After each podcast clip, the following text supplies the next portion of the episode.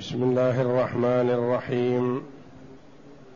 الحمد لله رب العالمين.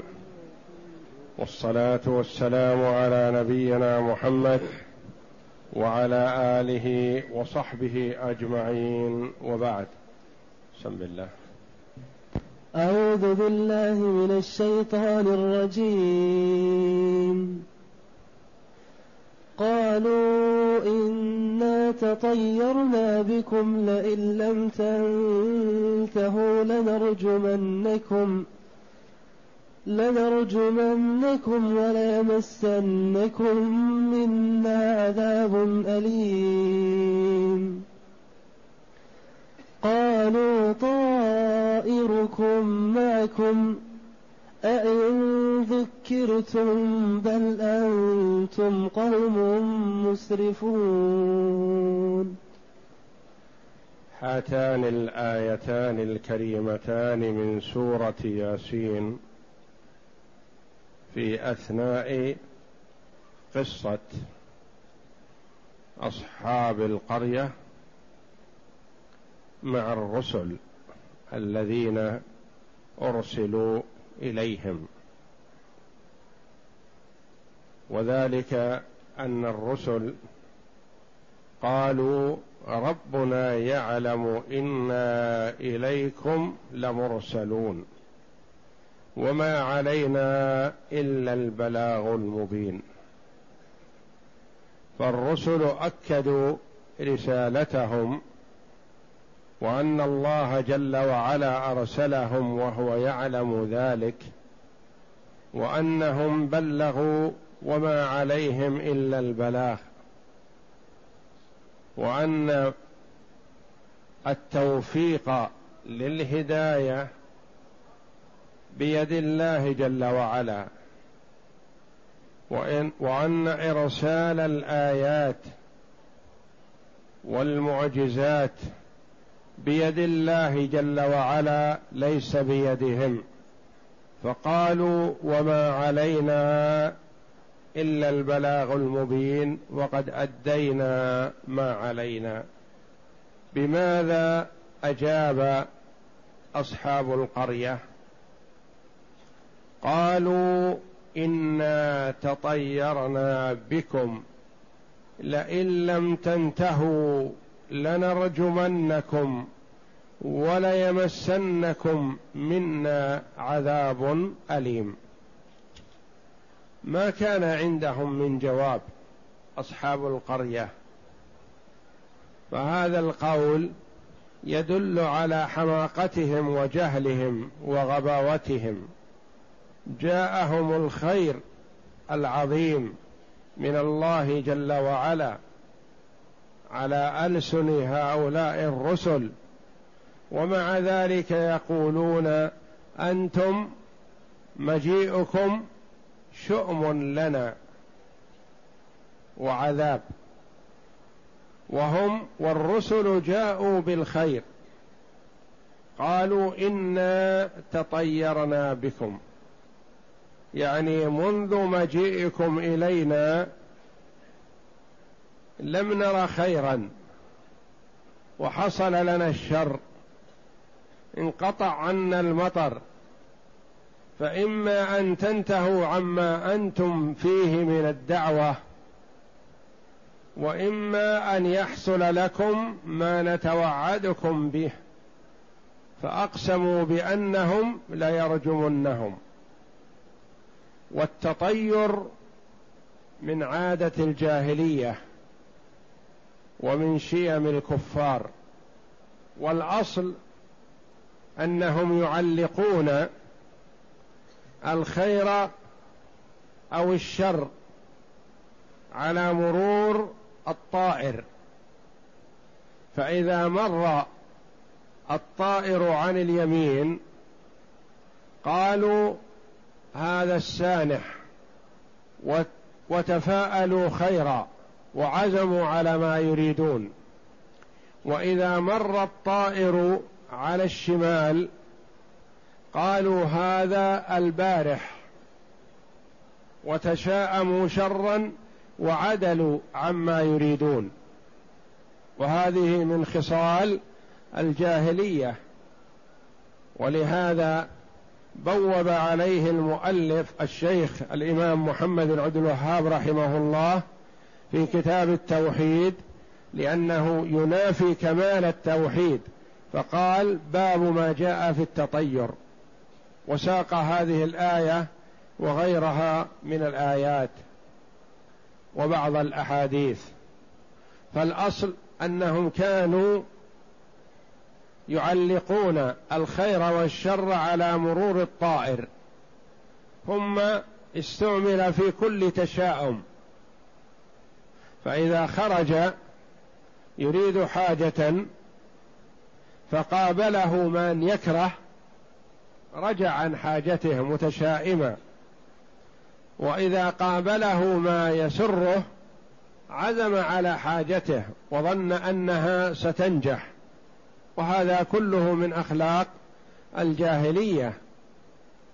فالمؤمن إذا عزم على أمر ولا يدري هل فيه خيرة أو خلاف ذلك استخار الله. يعني إذا أراد أمرا مهما استخار الله فوض الأمر إلى العالم جل وعلا. صلى ركعتين سنة الاستخارة ثم سأل الله جل وعلا ما فيه الخير. كما في حديث جابر قال كان النبي صلى الله عليه وسلم يعلمنا الاستخارة كما يعلمنا السورة من القرآن. والحديث ثابت في الصحيح وهو موجود في رياض الصالحين. باب الاستخارة. يقول المدائني سألت رؤبة بن العجاج عن السوانح فقال السوانح ما, ول ما, لق ما ولاك ميامنه والبوارح قال ما ولاك مياسره يعني شماله. والنبي صلى الله عليه وسلم كان يعجبه الفعل فالفعل الحسن يتفاءل به ويؤمل فيه خيرا ولا يعلق عليه شيء ولا يعزم من أجله ولا يرجع. وأما الطيرة والتشاؤم فهي من خصال الجاهلية ونهى عنها النبي صلى الله عليه وسلم بقوله عليه الصلاة والسلام لا عدوى ولا طيرة ولا هامة ولا صفر. قال مقاتل رحمه الله حبس عنهم المطر ثلاث سنين. فقالوا هذا بشؤمكم أيها الرسل. والرسل جاءوا بالخير وسعادة الدنيا والآخرة ويروى أن الرسل مكثوا معهم يدعونهم إلى الله عشر سنين. قالوا إنا تطيرنا بكم لئن لم تنتهوا ليمسنكم لنرجمنكم وليمسنكم منا عذاب أليم. لئن لم تنتهوا اللام موطئة للقسم. فهم أقسموا على الرسل إما أن ينتهوا وإما أن يرجموهم.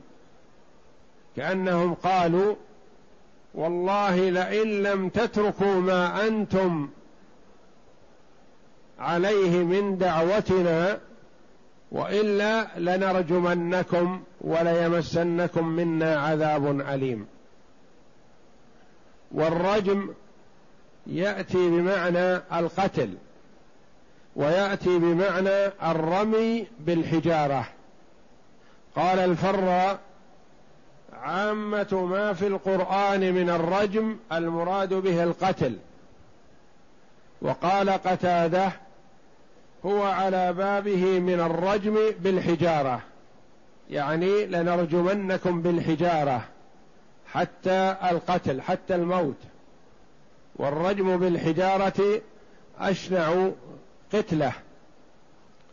وليمسنكم منا عذاب أليم. يعني لئن لم تنتهوا عن هذا ليحصل لكم الرجم ولا يحصل لكم العذاب الأليم منا. العذاب الأليم أي الشديد الفظيع. قيل أرادوا التحريق بالنار. وقيل القتل. وقيل السب والشتم. وقيل التعذيب المؤلم من غير تقييد بنوع من أنواع العذاب. وهذا والله أعلم هو الظاهر لأنهم توعدوا بالعذاب الأليم وهو يصدق على كل عقوبة مؤلمة. قال المفسرون هم حلفوا لكنهم حنثوا يعني ما بروا بيمينهم لأن الله جل وعلا عاجلهم بالعقوبة فأهلكهم قبل أن يبروا بيمينهم. الرسل أجابوا على هذا القول. قالوا إنا تطيرنا بكم لئن لم تنتهوا لنرجمنكم وليمسنكم منا عذاب أليم. قالوا طائركم معكم. شؤمكم جاء من قبلكم.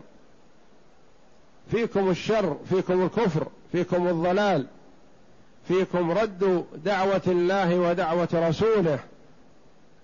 الشر ما جاءكم من قبلنا نحن جئنا بالخير بطاعة الله جل وعلا والعمل بمرضاته التي هي سعادة الدنيا والآخرة وإنما الشؤم معكم التطير بكم وبأفعالكم ما أصابكم من سوء فبسوء صنيعكم. قالوا طائركم معكم جاءكم من جهة أنفسكم. أئن ذكرتم الهمزة للاستفهام وإن الشرطية. وقد اختلف العلماء رحمهم الله فيما إذا اجتمع الاستفهام والشرط فقال سيبويه رحمه الله يجاب عن الاستفهام ويكفي عن الشرط. عن جواب الشرط. وقال غيره يونس بن حبيب يجاب عن الشرط ويكتفى به عن الاستفهام.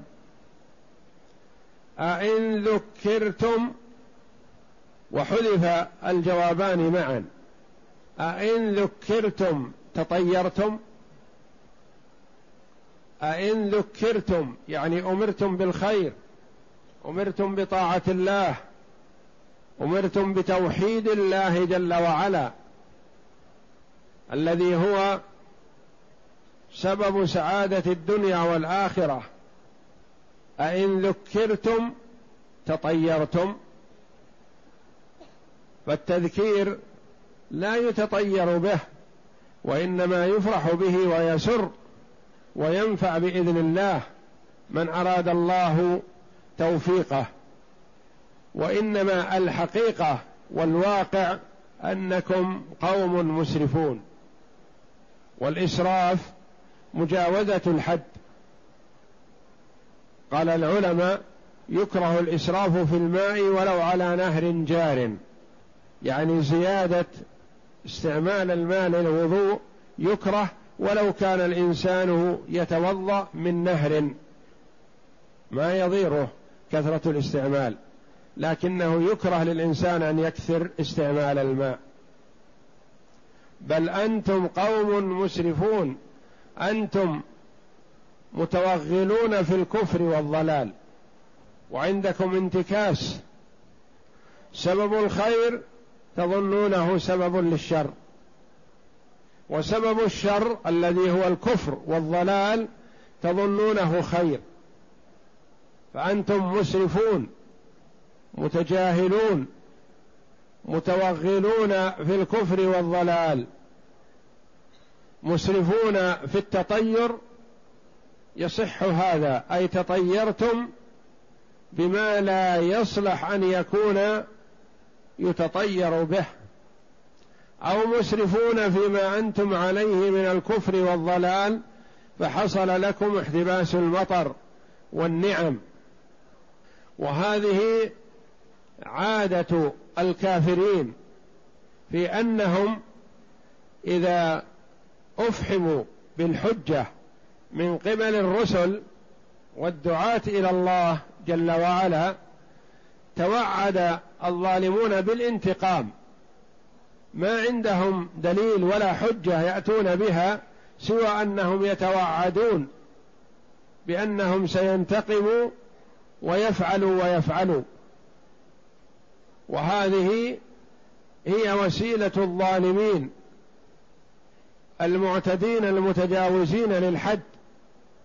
وإلا فالمرء إذا أقنع بدليل واتضح له فرح به وحمد الله عليه. وإن لم يقنع به طلب ممن أورده زيادة الإيضاح والبيان. قال بين لي وضح لي. إلى الآن أنا لم أقتنع. ما يتوعد؟ يقول كف عما أنت عليه وإلا فعلت وفعلت. لا. قل له بين لي. ناظر غيرك. تخاصم مع غيرك لنرى الحجة مع من ونحو ذلك. فمن أراد الحق طلب إيضاحه إذا لم يتضح له. وأما من يتوعد ويفعل ويفعل فهذا علامة على رده الحق وعدم قبوله. وفي هاتين الآيتين دلالة على أن من وقع في الكفر والضلال إن تنعكس الحقائق لديه ويظن الحق والخير شرا. ويظن الشر والضلال والظلم خيرا وما ذاك إلا لانتكاسه واختلال عقله وفكره وإلا فالواجب على المرء أن يسأل الله جل وعلا أن يوفقه وأن يبين له الحق وأن يظهره له وأن يدله عليه. بخلاف الظالم المعتدي فهو يرد الحق مواجهة كما قال كفار قريش لمحمد صلى الله عليه وسلم في ردهم دعوته اللهم إن كان هذا هو الحق من عندك فأمطر علينا حجارة من السماء أو ائتنا بعذاب أليم. وما ذاك إلا لجهلهم وإلا كان الواجب عليهم أن يقولوا اللهم إن كان هذا هو الحق من عندك فاهدنا إليه. ووفقنا لقبوله. هذا هو العمل الصحيح. فالمرء إذا عرض عليه الحق فإن اتضح له فيقبله ويحمد الله وإن لم يتضح له يطلب زيادة الإيضاح ولا حرج عليه. يطلب البيان يطلب الدليل من كتاب الله من سنة رسوله صلى الله عليه وسلم. ولا ينتر أو يغضب أو ينفر ممن ذكر له الحق لأنه يخالف ما هو عليه. لا يا أخي إذا ذكر لك الحق فاطلب الدليل ومل مع الحق حيث مال. ولا تتمسك بما أنت عليه من باطل فتهلك. والله أعلم. وصلى الله وسلم وبارك على عبد ورسول نبينا محمد وعلى آله وصحبه أجمعين.